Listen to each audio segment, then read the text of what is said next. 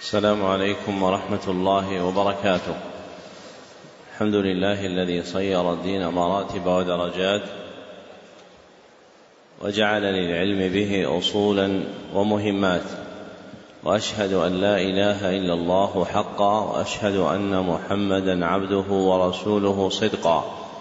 اللهم صل على محمد وعلى آل محمد كما صليت على إبراهيم وعلى آل إبراهيم إنك حميد مجيد اللهم بارك على محمد وعلى آل محمد كما باركت على إبراهيم وعلى آل إبراهيم إنك حميد مجيد. أما بعد فحدثني جماعة من الشيوخ وهو أول حديث سمعته منهم بإسناد كل إلى سفيان بن عيينة عن عمرو بن دينار عن أبي قابوس مولى عبد الله بن عمرو عن عبد الله بن عمرو بن العاص رضي الله عنهما أن رسول الله صلى الله عليه وسلم قال الراحمون يرحمهم الرحمن. ارحموا من في الأرض يرحمكم من في السماء. ومن آكد الرحمة رحمة المعلمين بالمتعلمين في تلقينهم أحكام الدين وترقيتهم في منازل اليقين. ومن طرائق رحمتهم إيقافهم على مهمات العلم بإقراء أصول المتون وبيان مقاصدها الكلية ومعانيها الإجمالية ليستفتح بذلك المبتدئون تلقيهم ويجد فيه المتوسطون ما يذكرهم ويطلع منه المنتهون إلى تحقيق مسائل العلم. وهذا المجلس الثاني في شرح الكتاب الثالث من برنامج مهمات العلم في سنته السابعة سبع وثلاثين وأربعمائة وألف. وهو كتاب فضل الإسلام لإمام الدعوة الإصلاحية في جزيرة العرب في القرن في القرن الثاني عشر الشيخ محمد بن عبد الوهاب بن سليمان التميمي رحمه الله المتوفى سنة ست ومائتين وألف. وقد انتهى بنا البيان إلى قوله رحمه الله باب ما جاء باب ما جاء أن الله احتجر التوبة عن صاحب البدعة. نعم. بسم الله الرحمن الرحيم. الحمد لله رب العالمين وصلى الله وسلم على سيدنا محمد وعلى آله وصحبه أجمعين. قال شيخ الإسلام محمد بن عبد الوهاب رحمه الله تعالى في فضل الإسلام باب ما جاء أن الله احتجر التوبة عن صاحب البدعة. مقصود الترجمة هو كسابقتها. في بيان قبح البدعة وشناعتها. هو كسابقتها في بيان قبح البدعة وشناعتها لكن من جهة أخرى. وهي شؤم البدعة وعظم جنايتها على صاحبها وهو بيان شؤم البدعة وعظم جنايتها على صاحبها حتى تمنعه التوبة منها. حتى تمنعه التوبة منها. فيتجارى به هواه فيتجارى به هواه وتعظم محبته لها وتعظم محبته لها حتى لا ينزع عنها. حتى لا ينزع عنها. فالمراد تبعيد صدور التوبة منها. فالمراد تبعيد صدور التوبة منها. لا امتناع قبولها منه إذا تاب. لا امتناع قبولها منه إذا تاب. فمن تاب تاب الله عليه. لكن يبعد وقوع ذلك من أهل البدع. لكن يبعد وقوع ذلك من أهل البدع. نعم. أحسن الله إليكم. قال رحمه الله هذا مروي من حديث أنس رضي الله عنه من مراسيل الحسن وذكر ابن وضاح عن أيوب قال كان عندنا رجل يرى رأيا فتركه فأتيت محمد بن سيرين فقلت أشعرت أن فلانا ترك رأيه؟ قال انظر إلى ماذا يتحول. إن آخر الحديث أشد عليهم من أوله يمرقون من الإسلام ثم لا يعودون إليه.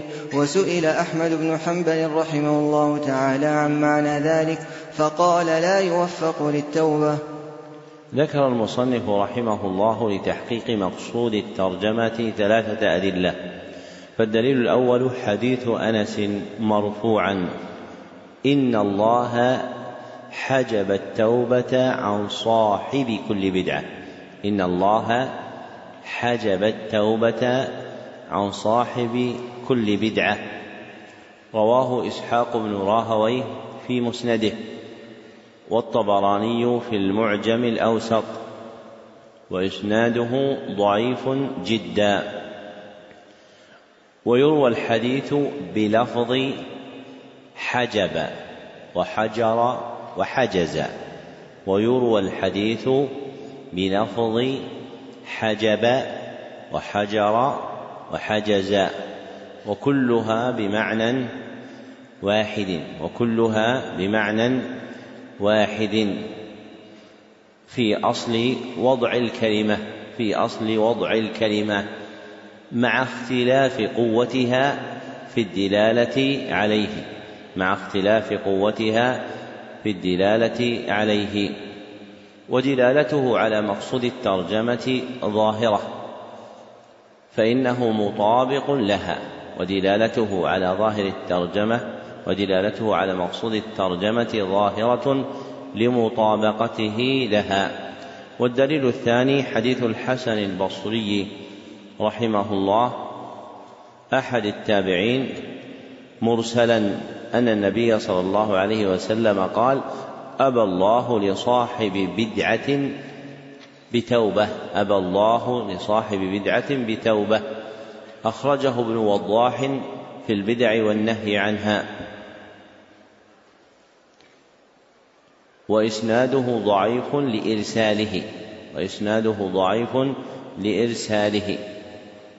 والمرسل في اصطلاح المحدثين ما أضافه التابعي إلى النبي صلى الله عليه وسلم. والمرسل في اصطلاح المحدثين ما أضافه التابعي إلى النبي صلى الله عليه وسلم. وحكمه الضعف. وحكمه الضعف. وإلى ذلك أشرت بقولي ومرسل الحديث ما قد وصف برفع تابع له وضعف.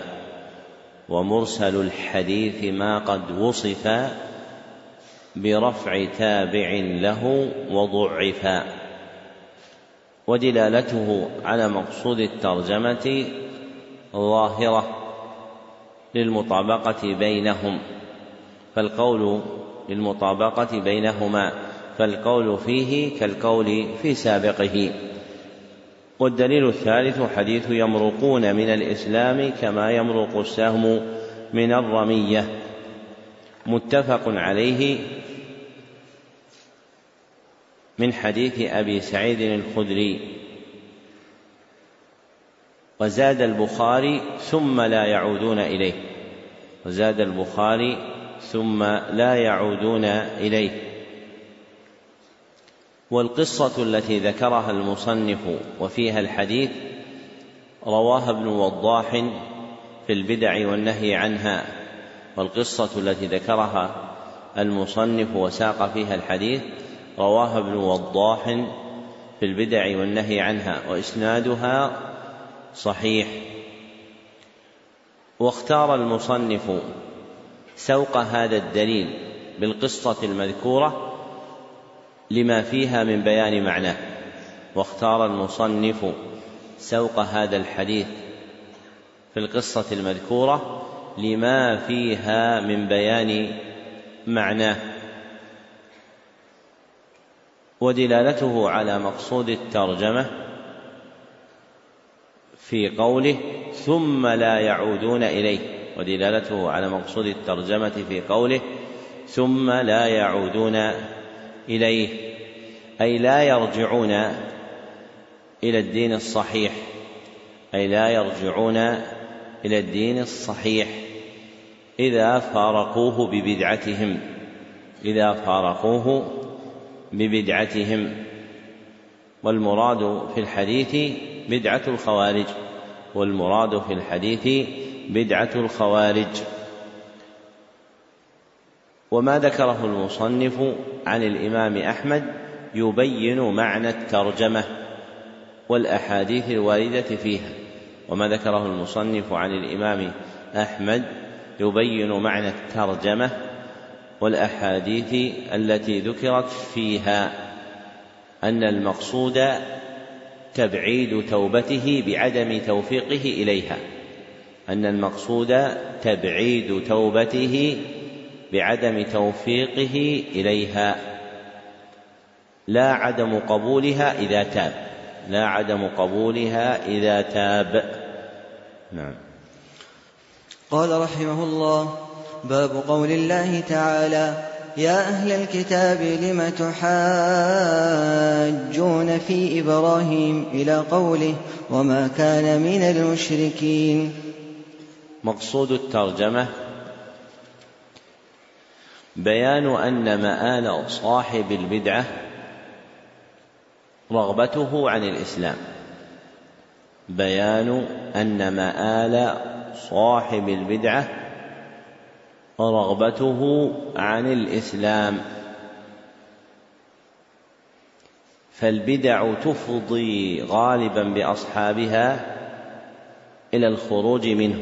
فالبدع تفضي غالبا بأصحابها إلى الخروج منه. وهذا معنى قول بعض الأدباء البدعة شرك الإشراك. وهذا معنى قول بعض الأدباء البدعة شرك الإشراك أي حبالته. فالشرك حبالة الصائد التي يقنص بها الصيد. فالشرك حبالة الصائد التي يقنص بها الصيد. والبدعة حبالة الشيطان. والبدعة حبالة الشيطان التي يلقيها على الناس ليخرجهم من الإسلام. التي يلقيها على الناس ليخرجهم من الإسلام. فالبدع قنطرة الشرك والكفر. فالبدع قنطرة الشرك والكفر. ومستحسن البدع يبلغه استحسانه لها أن يخرج من الإسلام. ومستحسن البدع يبلغه استحسانه لها أن يخرجه من الإسلام. نعم. أحسن الله إليكم. قال رحمه الله وقوله تعالى ومن يرغب عن ملة إبراهيم إلا من سفه نفسه. الآيتين وفيه حديث الخوارج وقد تقدم وفي الصحيح أنه صلى الله عليه وسلم قال إن آل أبي فلان ليسوا لي بأولياء إنما أوليائي المتقون. وفيه أيضا عن أنس رضي الله عنه أن رسول الله صلى الله عليه وسلم ذكر له أن بعض الصحابة قال أما أنا فلا آكل اللحم. وقال الآخر أما أنا فأقوم ولا أنام.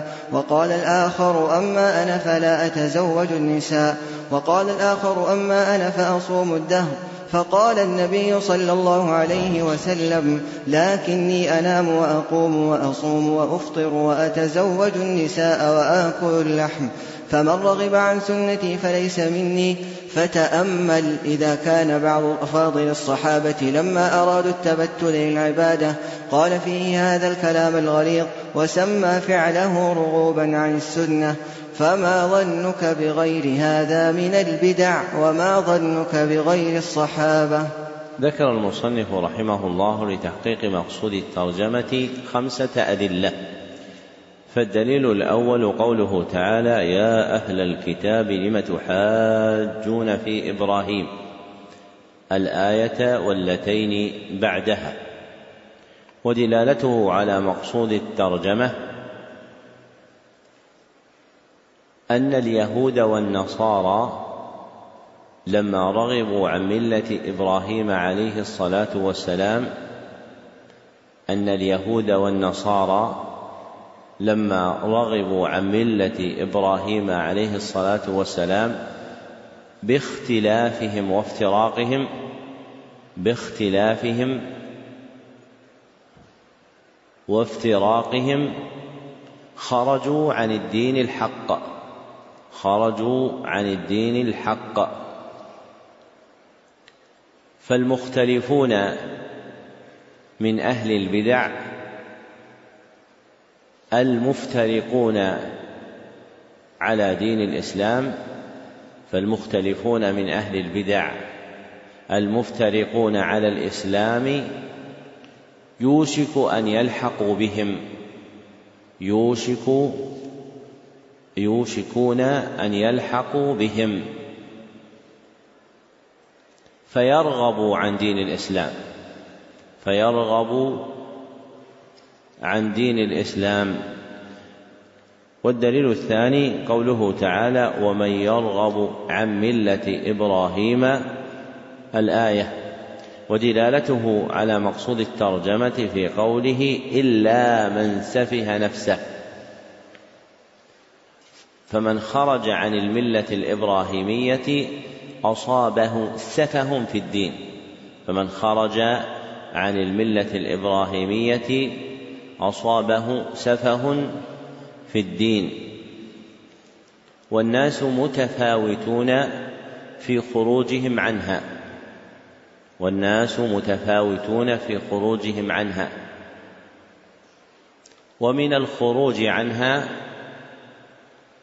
الخروج بالبدع والأهواء. ومن الخروج عنها الخروج بالبدع والأهواء. فيوشك أن يلحق أصحابها بغير دين الإسلام فيوشك أن يلحق أصحابها بغير دين الإسلام إذا عظم سفههم في دينهم إذا عظم سفههم في دينهم. والدليل الثالث حديث الخوارج المتقدم ويريد به حديث أبي سعيد الخدري رضي الله عنه أن النبي صلى الله عليه وسلم لما ذكر الخوارج قال يمرقون من الإسلام كما يمرق السهم من الرمية ثم لا يعودون إليه. متفق عليه واللفظ للبخاري. ودلالته على مقصود الترجمة في قوله يمرقون من الإسلام. ودلالته على مقصود الترجمة في قوله يمرقون من الإسلام. والمروق هو الخروج والانسلال. والمروق هو الخروج والانسلال. واختلف في مروق الخوارج على قولين. واختلف في مروق الخوارج على قولين. أحدهما أنه مروق بالخروج من الإسلام إلى الكفر. أنه مروق بالخروج من الإسلام إلى الكفر. والآخر أنه مروق بالخروج من الإسلام إلى البدعة. أنه مروق بالخروج من الإسلام إلى البدعة. والصحيح هو الثاني. والصحيح هو الثاني. لإجماع الصحابة على عدم كفرهم. لإجماع الصحابة على عدم كفرهم. نقله ابن تيمية الحفيد في منهاج السنة النبوية. نقله ابن تيمية الحفيد في منهاج السنة النبوية فهم مارقون بالخروج إلى البدعة فهم مارقون بالخروج إلى البدعة ويتخوف عليهم أن يقعوا في الكفر ويتخوف عليهم أن يقعوا في الكفر. والدليل الرابع حديث أنه صلى الله عليه وسلم قال إن آل أبي فلان ليسوا لي بأولياء الحديث. وهو بهذا اللفظ الذي ذكره المصنف وغيره لا يوجد. وهو بهذا اللفظ الذي ذكره المصنف وغيره لا يوجد. وهو مركب من حديثين دخل أحدهما في الآخر. وهو مركب من حديثين دخل أحدهما في الآخر ثم شاع ذكر الحديث باللفظ المركب ثم شاع لفظ الحديث باللفظ المذكر. أحدهما حديث عبد الله بن عمرو رضي الله عنه أن رسول الله صلى الله عليه وسلم قال إن آل أبي فلان ليسوا لي بأولياء. إن آل أبي فلان ليسوا لي بأولياء. إنما ولي الله وصالح المؤمنين. إنما ولي الله وصالح المؤمنين. متفق عليه. والآخر حديث معاذ بن جبل رضي الله عنه. أن رسول الله صلى الله عليه وسلم قال إن أولى الناس بي المتقون. إن أولى الناس بي المتقون حيث كانوا ومن كانوا. حيث كانوا ومن كانوا. رواه أحمد وإسناده حسن. رواه أحمد وإسناده حسن. وركب من هذين الحديثين سهوا اللفظ المذكور.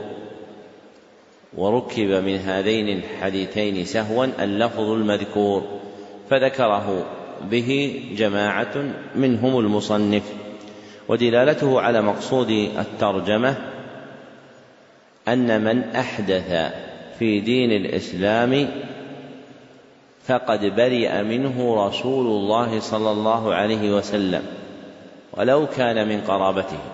أن من أحدث في دين الإسلام فقد برئ منه رسول الله صلى الله عليه وسلم ولو كان من قرابته. وبراءته صلى الله عليه وسلم من فعله تدل على مباعدته الدين الذي جاء به. وبراءته صلى الله عليه وسلم من فعله تدل على مباعدته الدين الذي جاء به. وربما عظمت المباعدة بالخروج من دين الإسلام.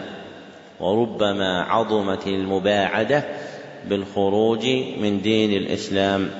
والدليل الخامس حديث أنس رضي الله عنه أن رسول الله صلى الله عليه وسلم ذكر له أن بعض الصحابة قال الحديث متفق عليه بألفاظ متقاربة ودلالته على مقصود الترجمة في قوله صلى الله عليه وسلم من رغب عن سنتي فليس مني أي من ترك طريقتي فليس مني والرغبة عن السنة نوعان والرغبة عن السنة نوعان أحدهما الرغبة عنها مع اعتقاد أن غيرها أكمل منها.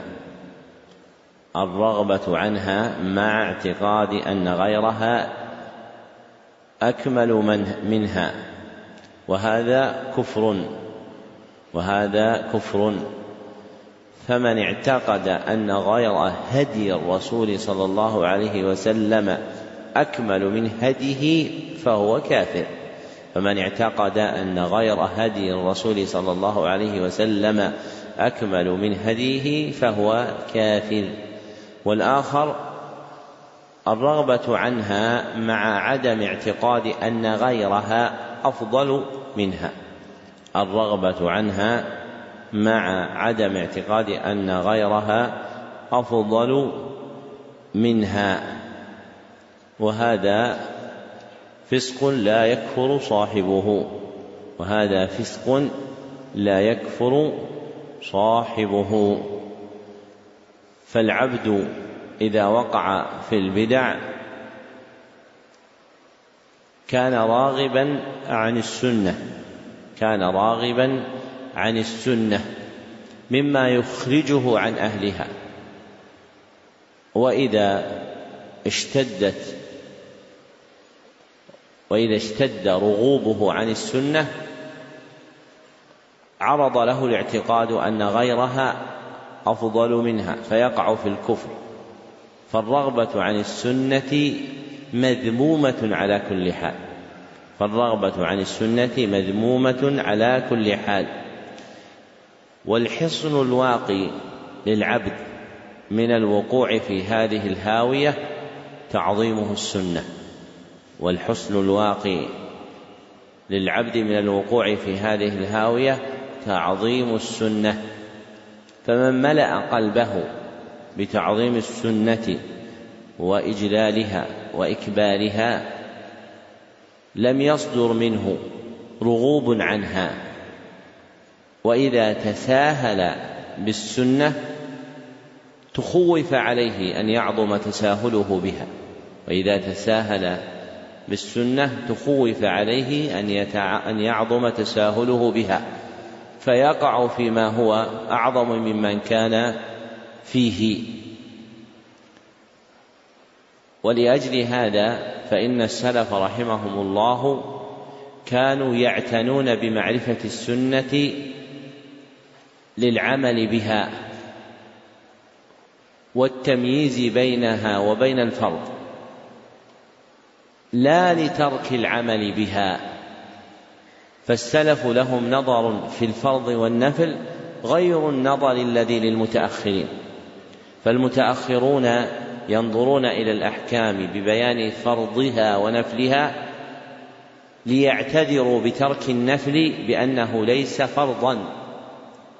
وأما السلف فإنهم كانوا يعتنون ببيان فرضها ونفلها ليعلموا مرتبة العمل بكل. فيعملون بالفرض لزوما ويعملون بالنفل اجتهادا. ذكر هذا المعنى ابن تيمية الحفيد والشاطبي رحمهم الله. وأجدر الناس بلحوقهم والتأسي بهم هم المنتسبون للعلم من طلابه. فينبغي أن تكون معرفتك للسنة على هذا الوجه اجتهادا في العمل ورغبة فيه. لا لتخلى لا لتتخلى من شيء من السنن بدعوى أنه نفل وليس فرضا. نعم. أحسن الله إليكم. قال رحمه الله باب قول الله تعالى فأقم وجهك للدين حنيفا. فطرة الله التي فطر الناس عليها الآية. مقصود الترجمة الأمر بالاستقامة على الإسلام. الأمر بالاستقامة على الإسلام. والثبات عليه والثبات عليه. الأمر بالاستقامة على الإسلام والثبات عليه. وأنه دين الفطرة وأنه دين الفطرة. والتحذير من البدع والتحذير من البدع لأنها اعوجاج عن دين الإسلام وخروج عن الفطرة لأنها اعوجاج عن دين الإسلام وخروج عن الفطرة. نعم.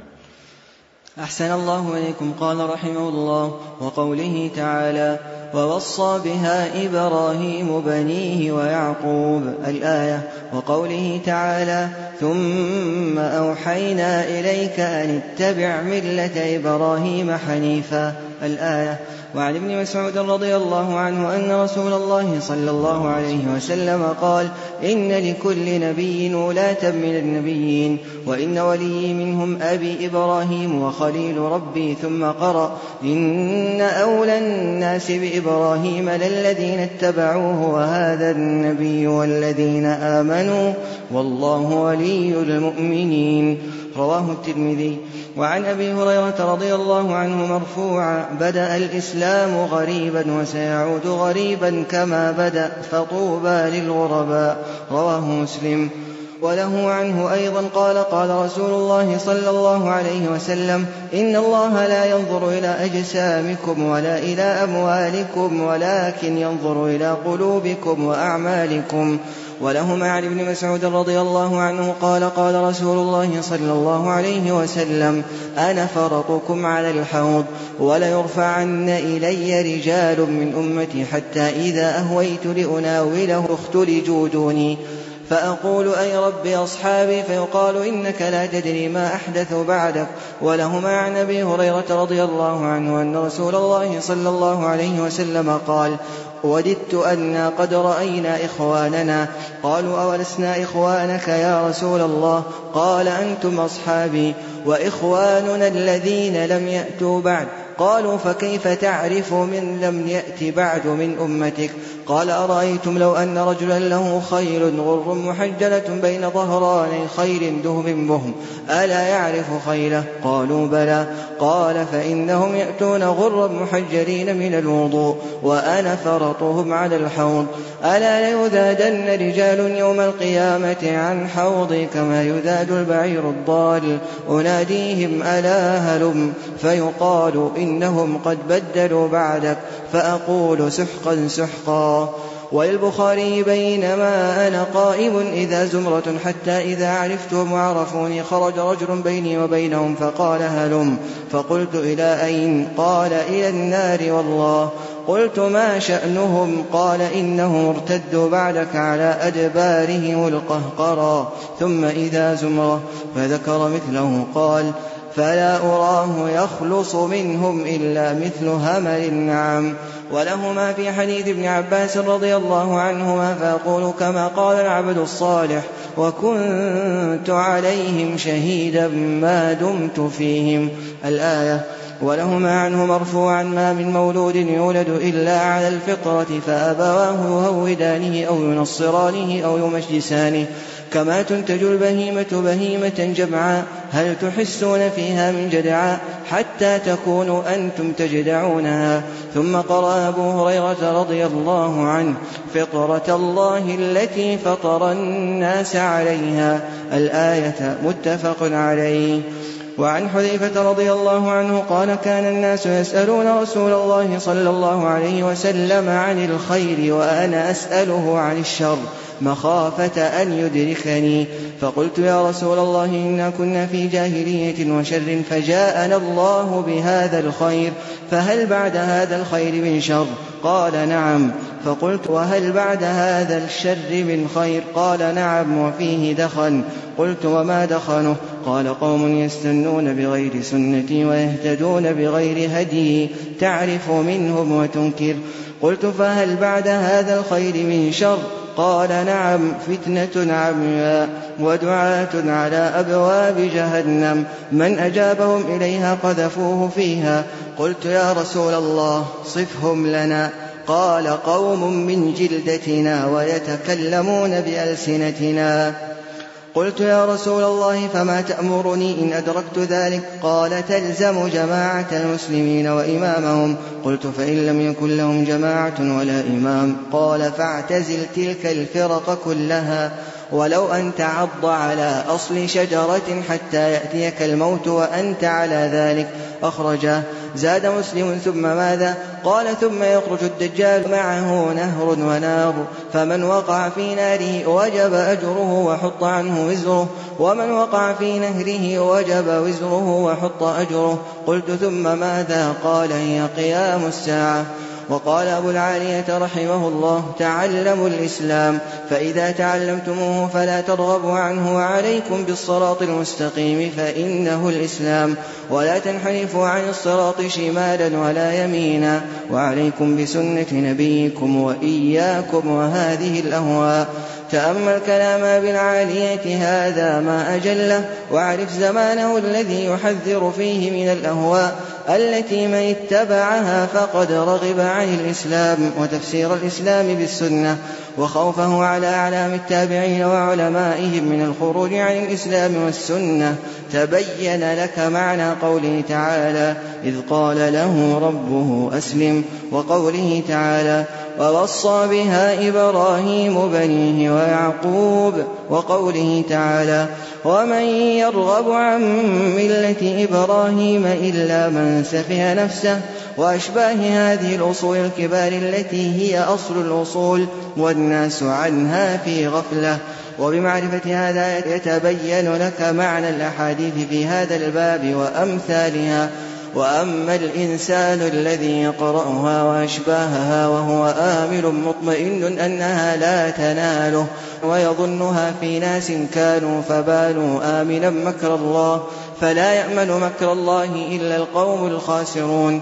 وعن ابن مسعود رضي الله عنه قال خط لنا رسول الله صلى الله عليه وسلم خطا ثم قال هذا سبيل الله ثم خط خطوطا عن يمينه وعن شماله ثم قال هذه السبل على كل سبيل منها شيطان يدعو إليه وقرأ وأن هذا صراطي مستقيما فاتبعوه ولا تتبعوا السبل فتفرق بكم عن سبيله. رواه الإمام أحمد والنسائي. ذكر المصنف رحمه الله لتحقيق مقصود الترجمة أربعة عشر دليلا. فالدليل الأول قوله تعالى فأقم وجهك للدين حنيفا الآية. ودلالته على مقصود الترجمة ما فيه من الأمر بالإقبال على الله والتسليم لأمره. ما فيه من الأمر بالإقبال على الله والتسليم لأمره وأنه الدين المستقيم الموافق للفطرة وأنه الدين المستقيم الموافق للفطرة. فمن بدله خرج عن الإسلام كله أو بعضه فمن بدله خرج عن الإسلام كله أو بعضه. والبدعة تنافي إسلام الوجه لله وتناقض الفطرة. والبدعة تنافي إسلام الوجه لله وتناقض الفطرة.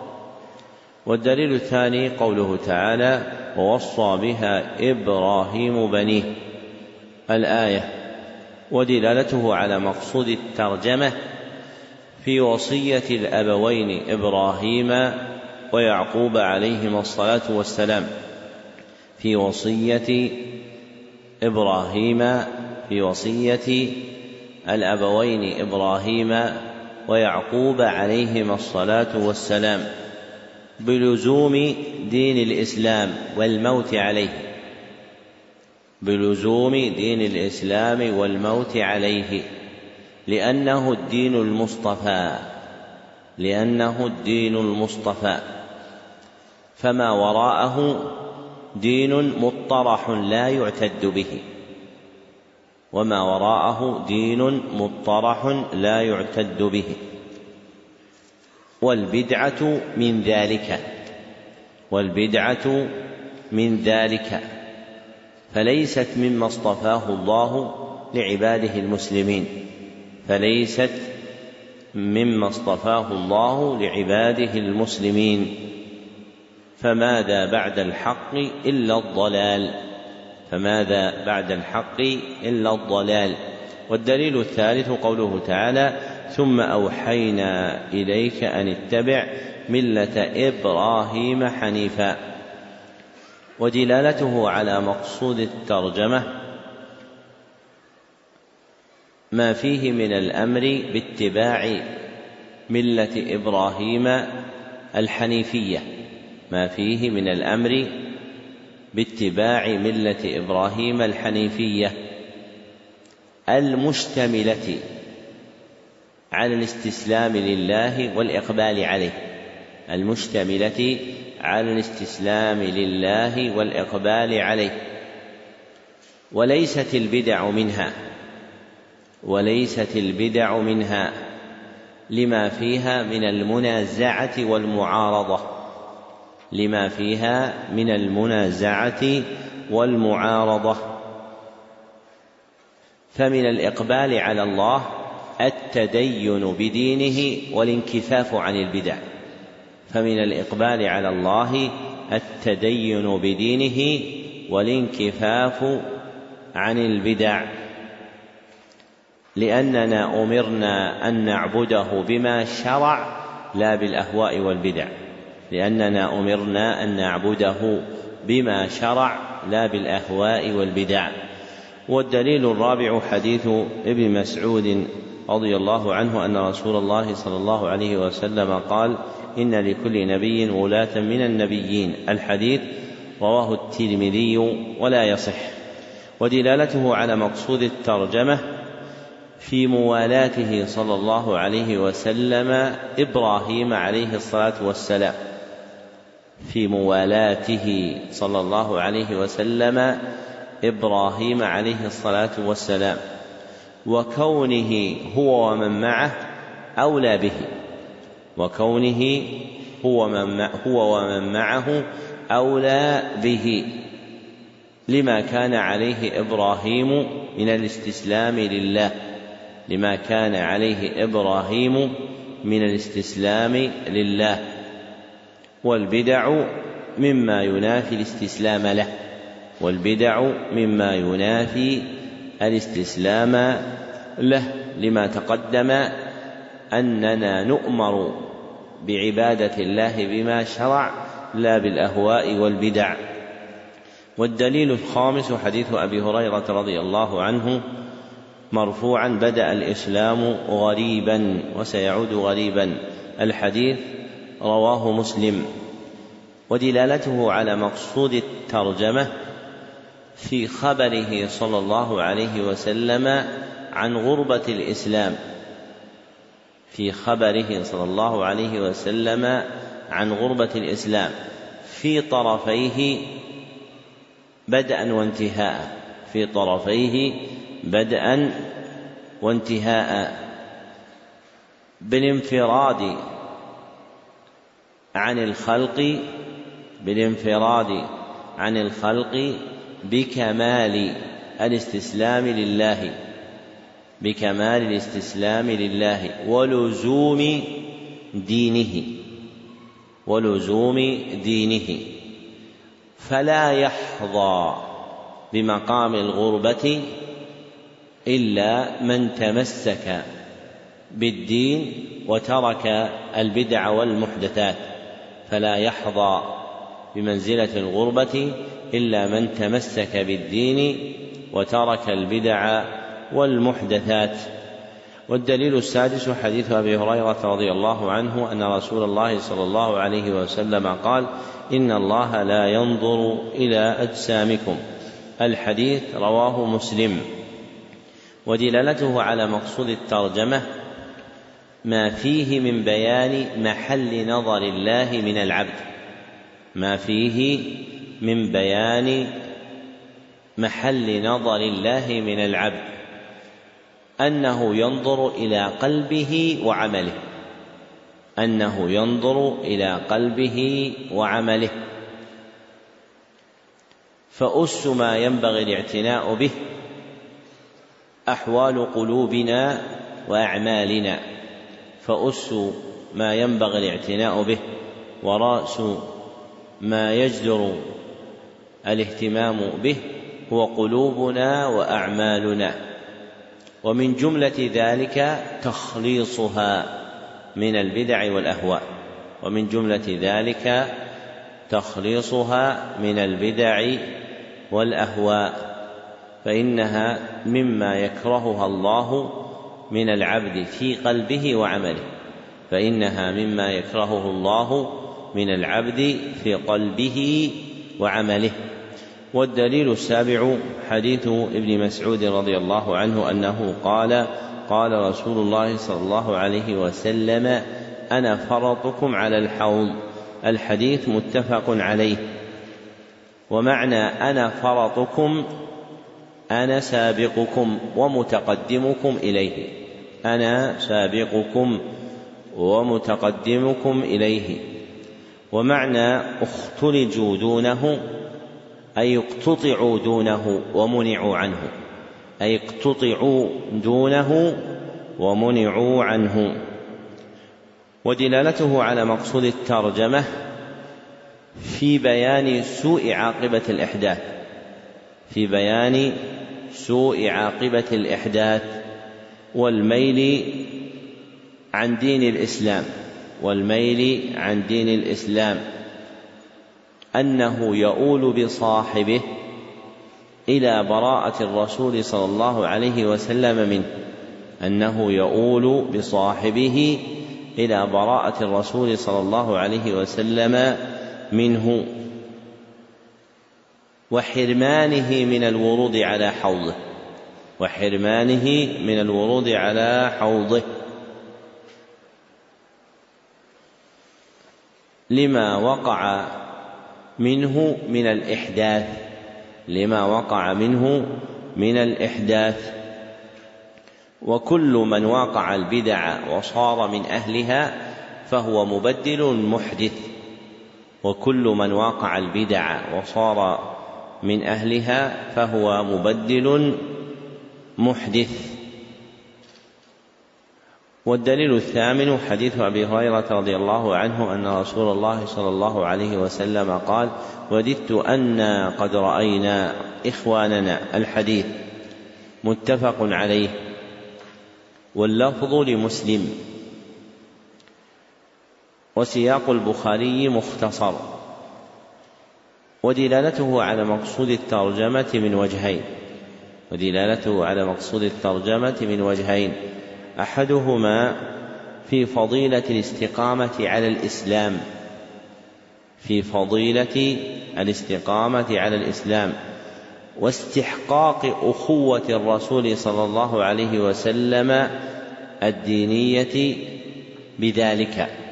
واستحقاق أخوة الرسول صلى الله عليه وسلم الدينية بذلك فمن استقام على الإسلام ممن تأخر فهو من إخوان الرسول صلى الله عليه وسلم.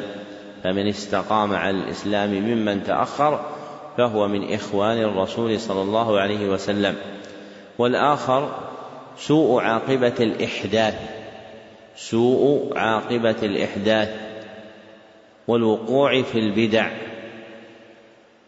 لما يجنيه على العبد لما يجنيه على العبد من منعه من الورود على الحوض. لما يجنيه على العبد من منعه من الورود على الحوض. ودعاء النبي صلى الله عليه وسلم بقوله سحقا سحقا دعاء عليهم بالهلاك. دعاء عليهم بالهلاك لشناعة ما وقعوا فيه. لشناعة ما وقعوا فيه. والدليل التاسع حديث بينما أنا قائم فإذا زمرة. الحديث أخرجه البخاري من حديث أبي هريرة رضي الله عنه. ودلالته على مقصود الترجمة كدلالة سابقيه في سوء عاقبة الإحداث. كدلالة سابقيه في سوء عاقبة الإحداث. وقوله في الحديث فلا أراه يخلص إلا مثل همل النعم أي لا يخلص إلا قليل من الخلق. أي لا يخلص إلا قليل من الخلق. والنعم هي الإبل. والنعم هي الإبل. وهملها المرسل في الأرض مما لا يعرف له صاحب. والهمل منها ما لا المرسل في الأرض مما لا يعرف له صاحب. وهم وهو قليل. فإن أهل الإبل يمسكونها. فإن أهل الإبل يمسكونها. فالناجون قليل كمنزلة همل الإبل منها. فالناجون قليل كمنزلة همل الإبل منها. والدليل العاشر حديث ابن عباس رضي الله عنهما فأقول كما قال العبد الصالح الحديث متفق عليه ودلالته على مقصود الترجمة في براءته صلى الله عليه وسلم من المحدثين والمبدلين كما يدل عليه تمام الحديث ودلالته على مقصود الترجمة في براءته صلى الله عليه وسلم من المحدثين والمبدلين كما يدل عليه تمام الحديث. والعبد الصالح هو عيسى بن مريم والعبد الصالح هو عيسى بن مريم. وصرح به في رواية البخاري. وصرح به في رواية البخاري. والدليل الحادي عشر حديث أبي هريرة رضي الله عنه مرفوعا ما من مولود إلا يولد على الفطرة. الحديث متفق عليه.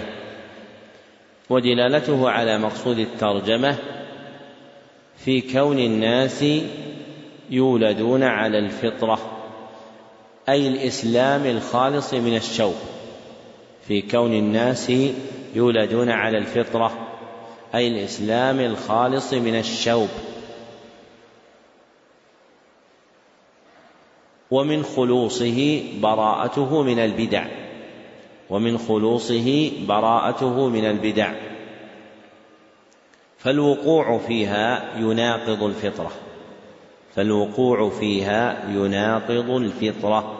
والدليل الثاني عشر حديث حذيفة رضي الله عنه أنه قال كان الناس يسألون رسول الله صلى الله عليه وسلم عن الشر عن الخير وكنت أسأله عن الشر.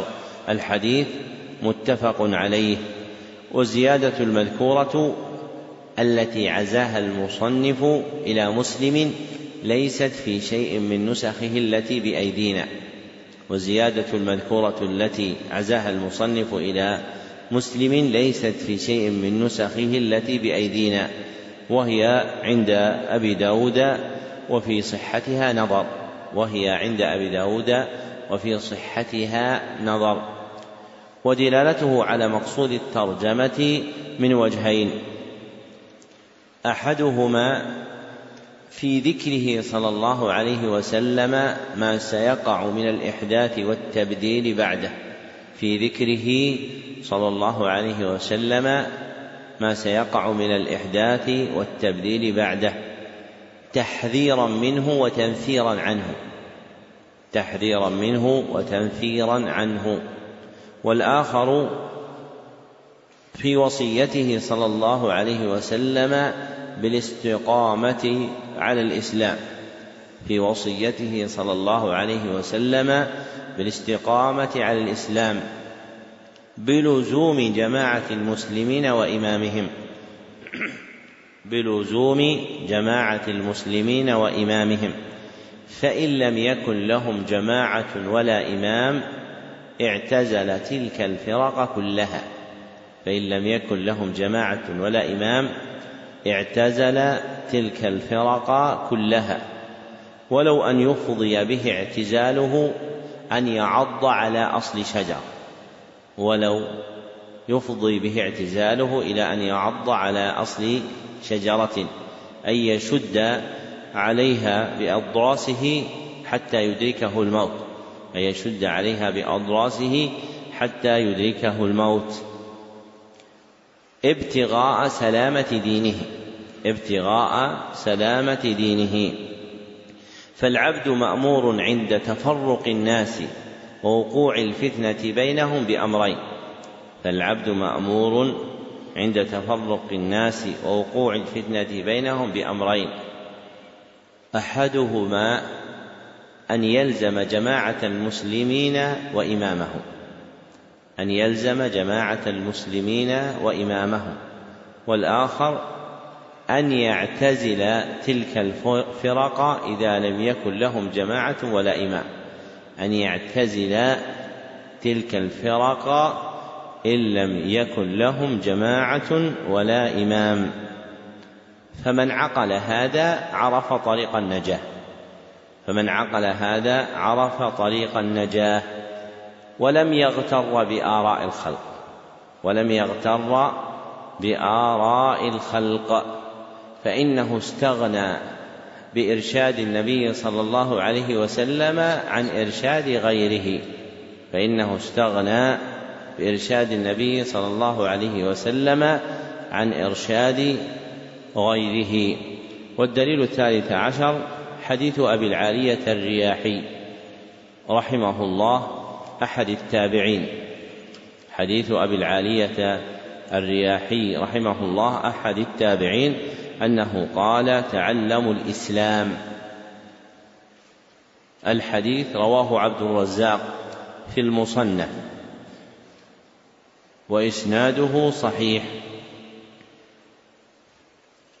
وزاد بعد قوله وإياكم وهذه الأهواء فإنها تلقي بين الناس العداوة والبغضاء. وزاد بعد قوله وإياكم وهذه الأهواء فإنها تلقي بين الناس العداوة والبغضاء.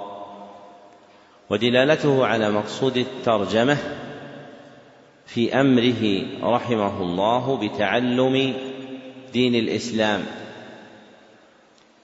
وعدم الرغبة عنه في أمره رحمه الله بلزوم دين الإسلام وعدم الرغبة عنه.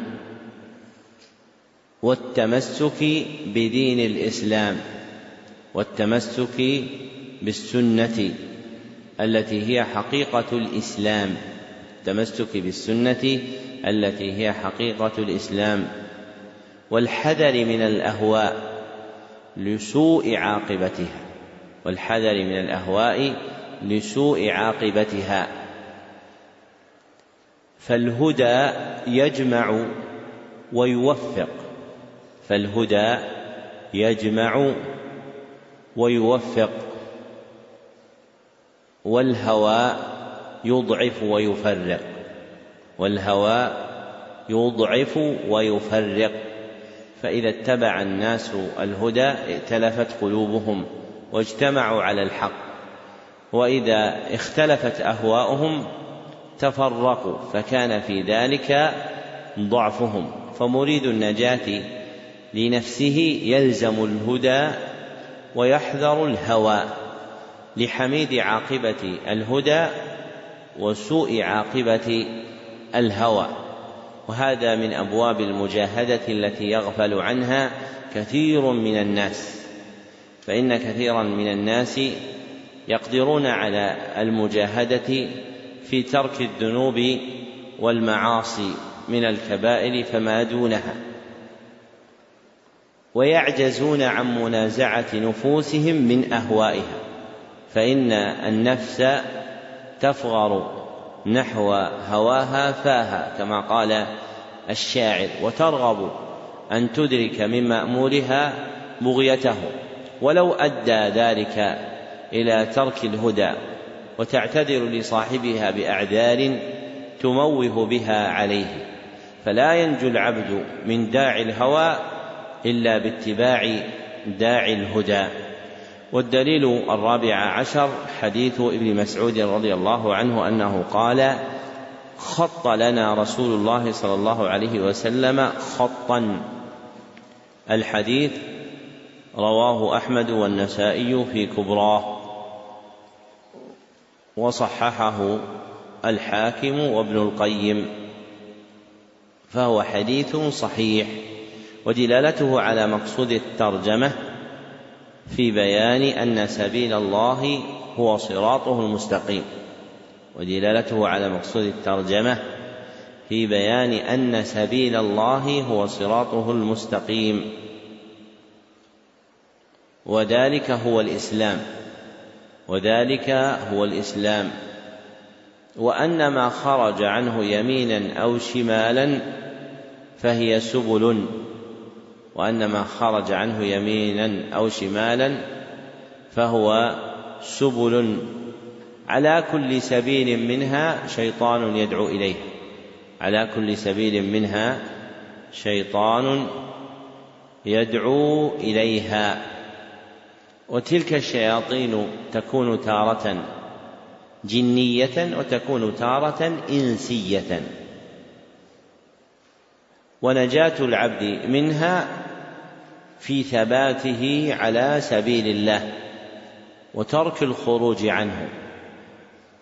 فمن أقام نفسه على سبيل الله وحذرها من السبل نجا منها فبقي سالكا الصراط المستقيم غير آخذ يمينا أو شمالا.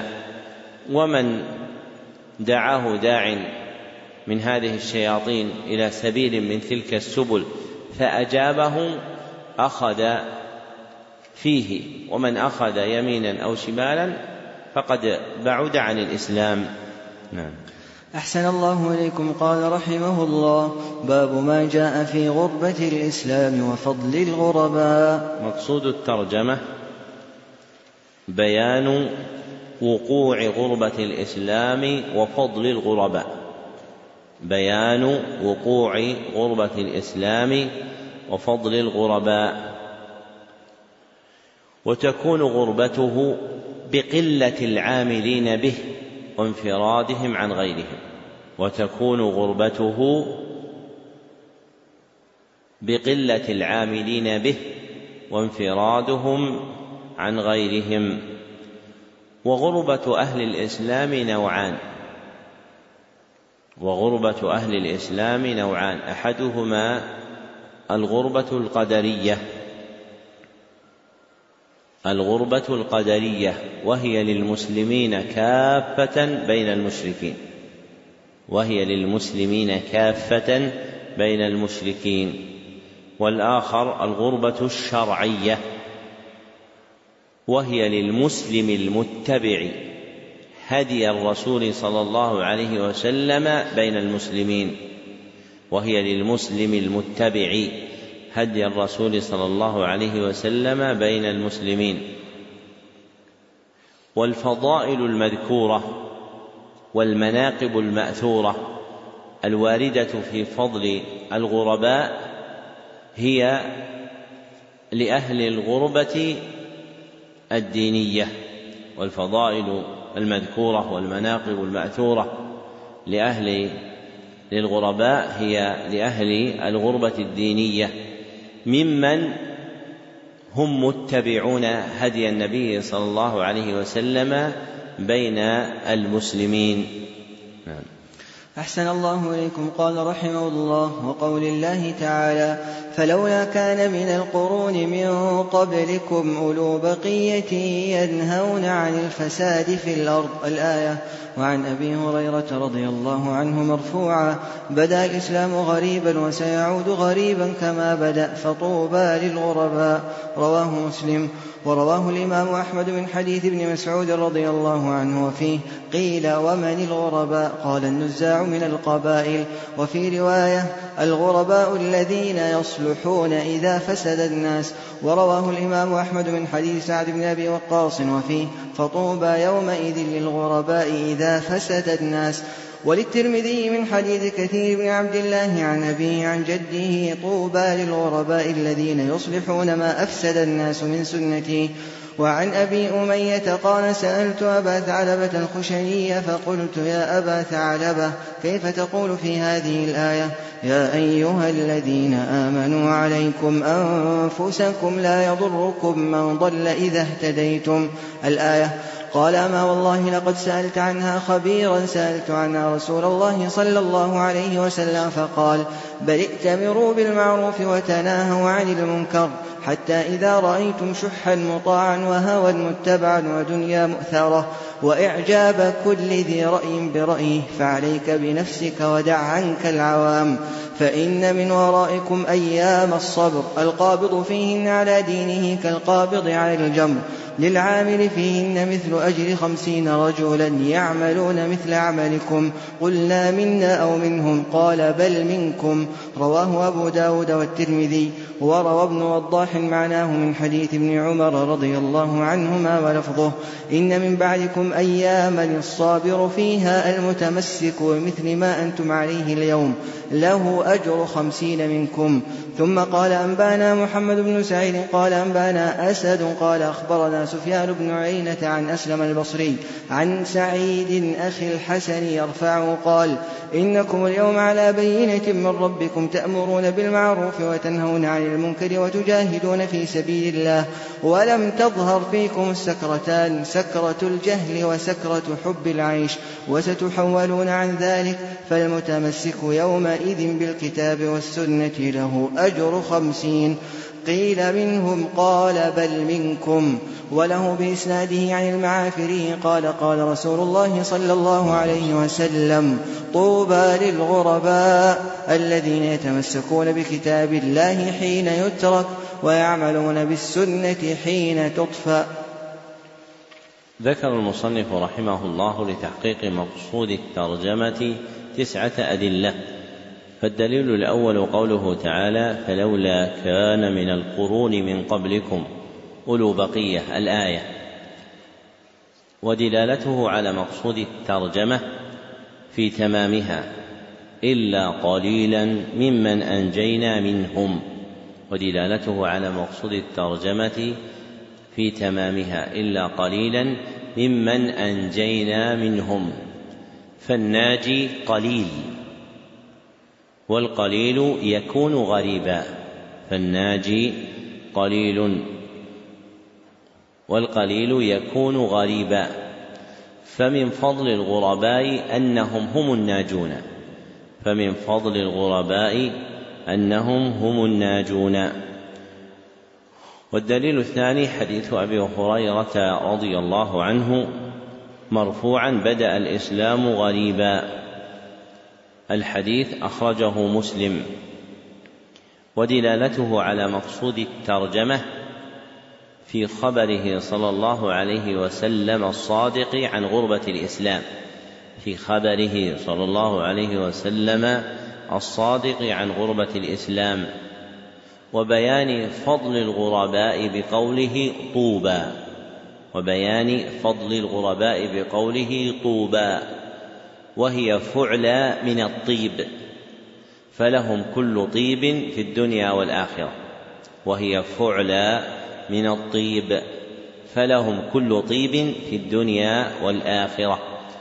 والدليل الثالث حديث ابن مسعود رضي الله عنه بمثل حديث أبي هريرة. وفيه ومن الغرباء قال النزاع من القبائل رواه أحمد. وهو عند الترمذي دون الزيادة المفسرة للغرباء وإسناده صحيح ودلالته على مقصود الترجمة كسابقه ففيه بيان فضل الغرباء وفيه بيان حقيقتهم. بقوله النزاع من القبائل أي الأفذاذ منها أي الأفذاذ منها فهم أفراد متفرقون من قبائل شتى فهم أفراد متفرقون من قبائل من قبائل شتى والمقصود تحقيق أن رابطتهم رابطة دينية والمقصود تحقيق أن رابطتهم رابطة دينية. لا رابطة ترجع إلى عرق أو بلد. لا رابطة ترجع إلى عرق أو بلد. والدليل الرابع حديث سعد بن أبي وقاص رضي الله عنه وفيه فطوبى يومئذ للغرباء إذا فسد الناس. رواه الإمام أحمد ورجاله ثقات. رواه الإمام أحمد ورجاله ثقات. لكن لم يسمى الراوي عنه. فقيل عن ابن سعد عن أبيه لكن لم يسمى الراوي عنه فقيل عن ابن سعد عنه. وسمي عامرا في كتاب الإيمان لابن منده. وسمي عامرا في كتاب الإيمان لابن منده. وعامر بن سعد ابن أبي وقاص أحد الثقات فإسناده صحيح. ودلالته على مقصود الترجمة كسابقه. من بيان فضل الغرباء. والدليل الخامس حديث عوف بن زيد رضي الله عنه مرفوعا طوبى للغرباء الذين يصلحون ما أفسد الناس. الحديث رواه الترمذي من حديث كثير بن عبد الله بن عوف بن زيد عن أبيه عن جده. عوف بن زيد وإسناده ضعيف. ودلالته على مقصود الترجمة كسابقه. وما فيه من حقيقة الغرباء موافق للأمر في نفسه. وما فيه من حقيقة الغرباء موافق للأمر في نفسه. فإنهم يصلحون ويصلحون. فإنهم يصلحون ويصلحون. والدليل السادس حديث أبي ثعلبة الخشني رضي الله عنه بل ائتمروا بالمعروف. الحديث أخرجه أصحاب السنن إلا النسائي. أخرجه أصحاب السنن إلا النسائي وإسناده ضعيف. ولجمله شواهد تتقوى بها ولجمله شواهد تتقوى بها. ولا سيما جملة العامل في أيام الصبر. ولا سيما جملة العامل في أيام الصبر. ودلالته على مقصود الترجمة من وجهين. أحدهما بيان غربة الإسلام في أيام الصبر والقبض على الجمر. بيان غربة الإسلام في أيام الصبر والقبض على الجمر. والآخر أن للعامل في تلك الأيام من الغرباء له أجر خمسين من الصحابة. أن للعامل في تلك الأيام أجر خمسين من الصحابة. ممن يعمل ذلك العمل. ممن يعمل ذلك العمل.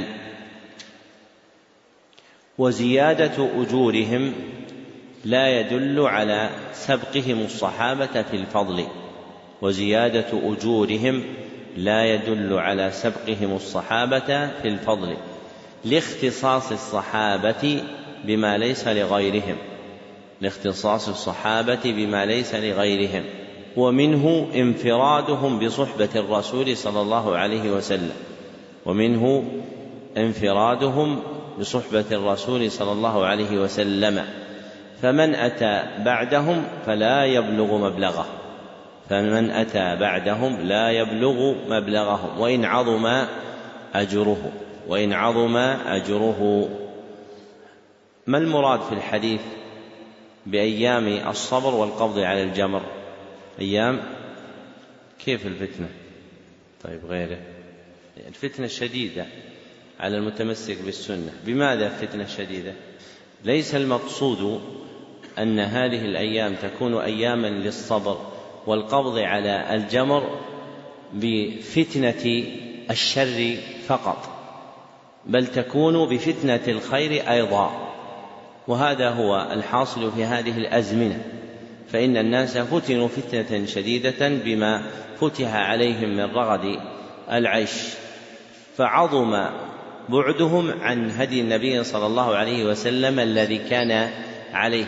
فمن الخطأ الشائع قصر معنى القبض على الجمر بأنه فتنة العبد بالشر في دينه بأن يصد عنه بتعذيب أو غيره. فإن العبد يبتلى بهذا وهذا ويشق عليه أن يحفظ دينه حتى يكون بمنزلة القابض على الجمر لشدة ما يجد.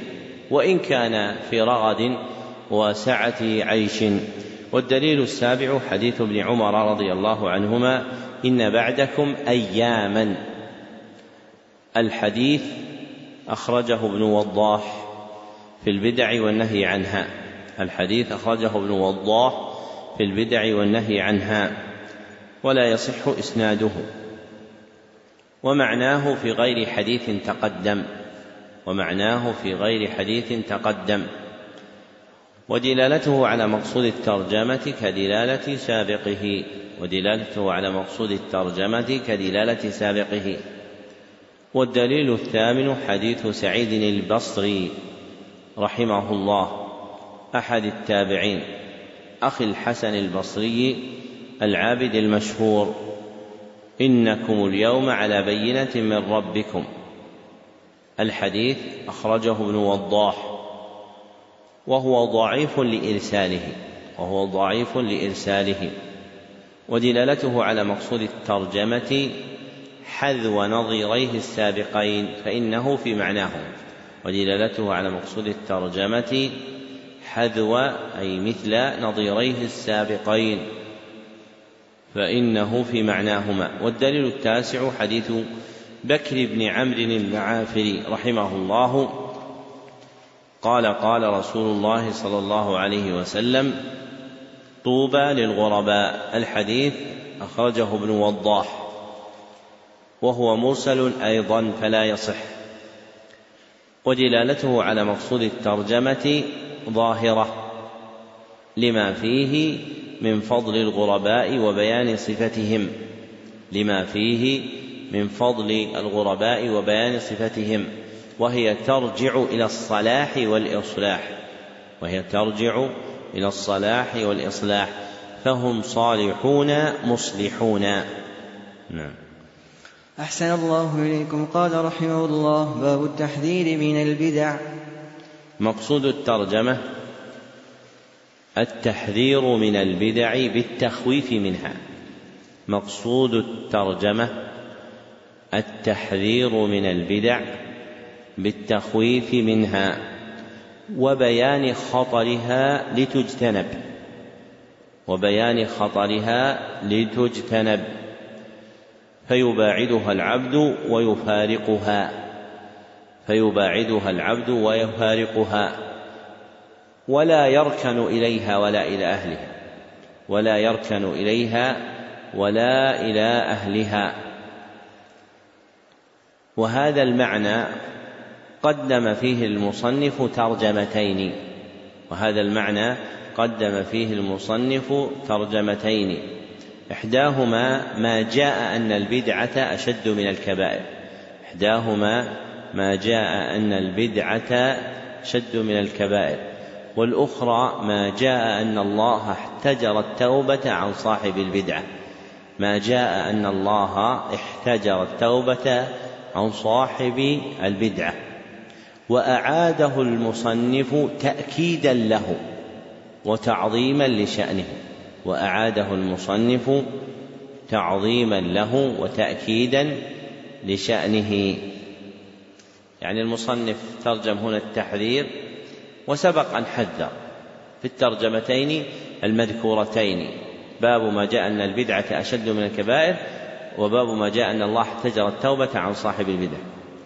طيب ما الفرق بين هذه الترجمة وتينك الترجمتين لا فرق. والفرق بينهما أن هذه الترجمة في التحذير من البدع وتينك الترجمتين في ذكر موجبين للتحذير أن هذه الترجمة في التحذير من البدع وتينك الترجمتين في ذكر موجبين للتحذير من البدع. فالمرء يحذر من البدع أصلا عاما ومما يدعوه إلى التحذير منها الأمران المذكوران في الترجمتين السابقتين أن البدعة أشد من الكبائر وأن الله حجب التوبة عن صاحب البدعة. فهذه الترجمة الإجمالية مما يفسرها الترجمتان المتقدمتان. نعم. أحسن الله إليكم. قال رحمه الله عن العرباض بن سارية رضي الله عنه قال وعظنا رسول الله صلى الله عليه وسلم موعظة بليغة وجلت منها القلوب وذرفت منها العيون. قلنا يا رسول الله كأنها موعظة مودع فأوصنا. قال أوصيكم بتقوى الله والسمع والطاعة وإن تأمر عليكم عبد فإنه من يعش منكم فسيرى اختلافا كثيرا. فعليكم بسنتي وسنة الخلفاء الراشدين المهديين من بعدي تمسكوا بها وعضوا عليها بالنواجذ وإياكم ومحدثات الأمور فإن كل محدثة بدعة وكل بدعة ضلالة. قال الترمذي حديث حسن صحيح. وعن حذيفة رضي الله عنه قال كل عبادة لا يتعبدها أصحاب رسول الله صلى الله عليه وسلم فلا تتعبدوها. فإن الأول لم يدع للآخر مقالا فاتقوا الله يا معشر القراء وخذوا طريق من كان قبلكم رواه أبو داود. وقال الدارمي وأخبرنا الحكم بن المبارك قال أنبانا عمرو بن يحيى قال سمعت أبي يحدث عن أبيه. قال كنا نجلس على باب عبد الله بن مسعود رضي الله عنه قبل صلاة الغداء فإذا خرج مشينا معه إلى المسجد. فجاءنا أبو موسى الأشعري رضي الله عنه فقال أخرج عليكم أبو عبد الرحمن بعد؟ قلنا لا. قال فجلس معنا فلما خرج قمنا إليه جميعا. فقال له أبو موسى يا أبا عبد الرحمن إني رأيت آنفا في المسجد أمرا أنكرته. والحمد لله لم أر إلا خيرا. قال فما هو؟ فقال إن عشت فسترى. قال رأيت في المسجد قوما حلقا جلوسا ينتظرون الصلاة. في كل حلقة رجل وفي أيديهم حصى فيقول كبروا مئة فيكبرون مئة. فيقول هللوا مئة فيهللون مئة. فيقول سبحوا مئة فيسبحون مئة. قال فماذا قلت لهم؟ قال ما قلت لهم شيئا انتظار رأيك. لماذا؟ لماذا ما قال لهم شيء؟ لماذا ما أنكر عليهم؟ للرجوع إلى الراسخ في العلم. فإن ابن مسعود مرتبته في العلم ومعرفة الدين ليست كمرتبة أبي موسى الأشعري. فأبو موسى الأشعري رأى شيئا أنكره ورآه أنه من غير دين الإسلام الذي كان عليه النبي صلى الله عليه وسلم. ولم يبادر إلى إنكاره على هؤلاء رغبة في التوثق مما وجده من النكرة. فرجع إلى الراسخ في العلم وهو ابن مسعود رضي الله عنه ليرى رأيهم نعم. أحسن الله إليكم. قال قال فماذا قلت لهم؟ قال ما قلت لهم شيئا انتظار رأيك.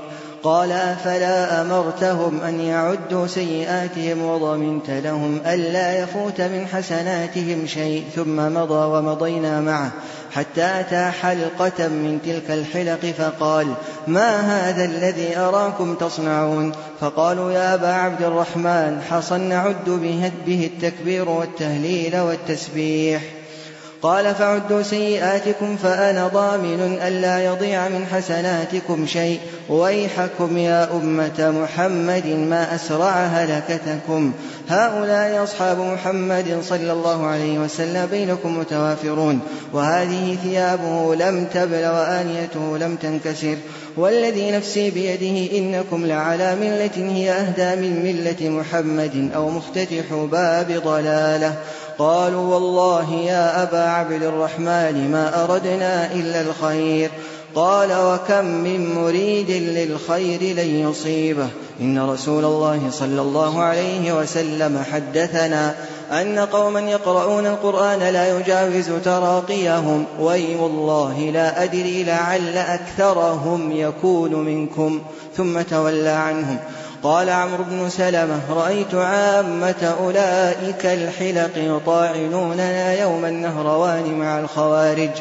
والله أعلم بالصواب وصلى الله على محمد وآله وصحبه وسلم تسليما كثيرا إلى يوم الدين.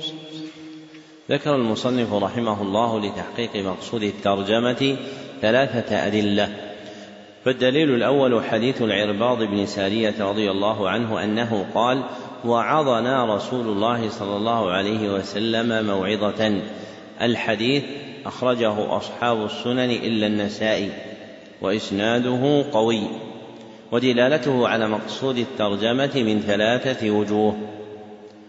أحدها أمره صلى الله عليه وسلم بلزوم سنته أمره صلى الله عليه وسلم بلزوم سنته وسنة الخلفاء الراشدين من بعده وسنة الخلفاء الراشدين من بعده وأنها كافية مغنية عما سواها وأنها كافية مغنية عما سواها فما خرج عنها فهو حقيق بالحذر منه فما خرج عنها فهو حقيق بالحذر منه ومما يخرج عنها البدع فإنها ليست من سنته ولا سنة خلفائه الراشدين رضي الله عنهم فهي حقيقة بالحذر منها وثانيها تصريحه صلى الله عليه وسلم بالتحذير من البدع تصريحه صلى الله عليه وسلم بالتحذير من البدع. في قوله وإياكم ومحدثات الأمور فالمحدثات هي البدع فزجر عنها وخوف منها لنحذرها فزجر عنها وخوف منها لنحذرها. وثالثها إخباره صلى الله عليه وسلم أن كل بدعة ضلالة. إخباره صلى الله عليه وسلم أن كل بدعة ضلالة. والضلال يحذر منه ويفر عنه. والضلال يحذر منه ويفر عنه.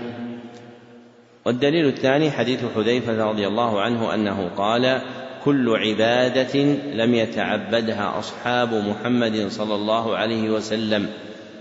الحديث رواه أبو داود في عزو المصنف وغيره.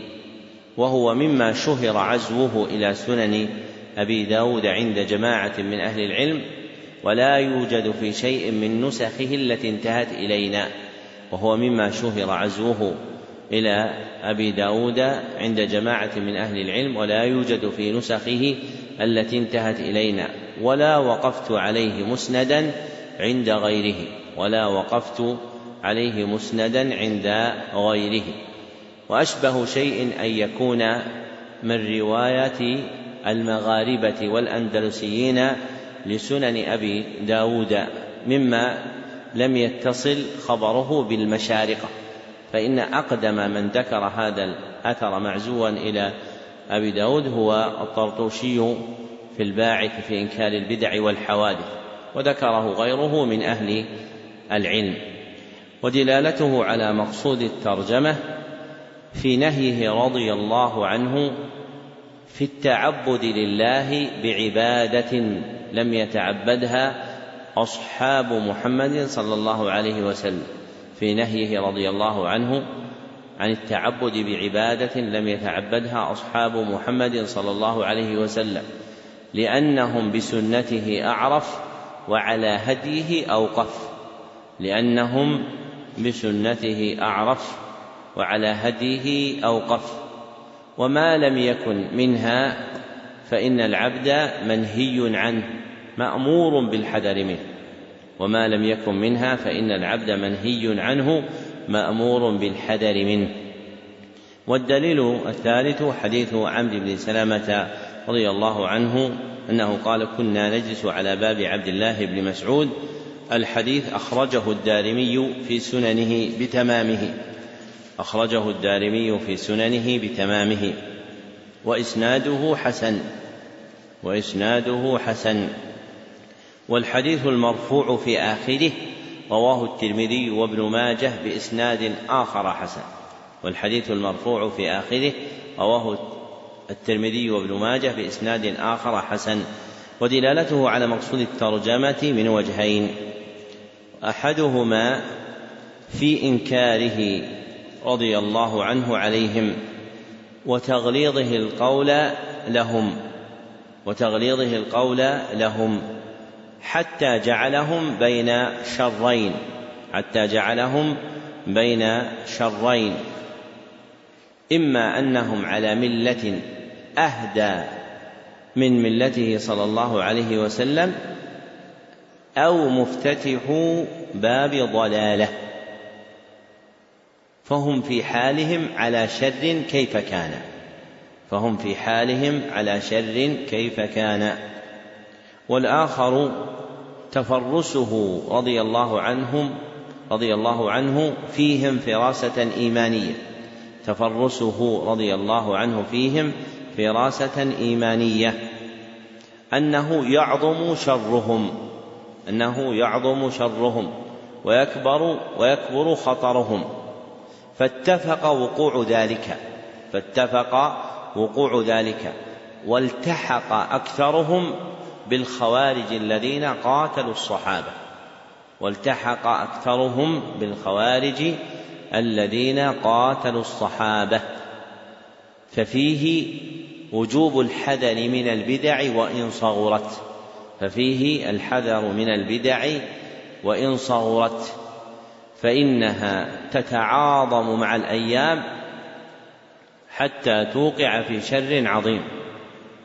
فإنها تتعاظم مع الأيام حتى توقع في شر عظيم. فمبتدأ هؤلاء كان ذكرا ومنتهاه كان خروجا بالسيف على المسلمين. فمبتدأ هؤلاء كان ذكرا ومنتهاه كان خروجا بالسيف على المسلمين. فلا يهون البدعة صغر حجمها. فلا يهون البدعة صغر حجمها. فلا يهون البدعة صغر حجمها. فكل بدعة شر وإن صغرت. فكل بدعة شر وإن صغرت. وهذا آخر البيان على هذا الكتاب بما يناسب المقام. ونبتدئ بإذن الله تعالى بعد المغرب في كتاب التوحيد.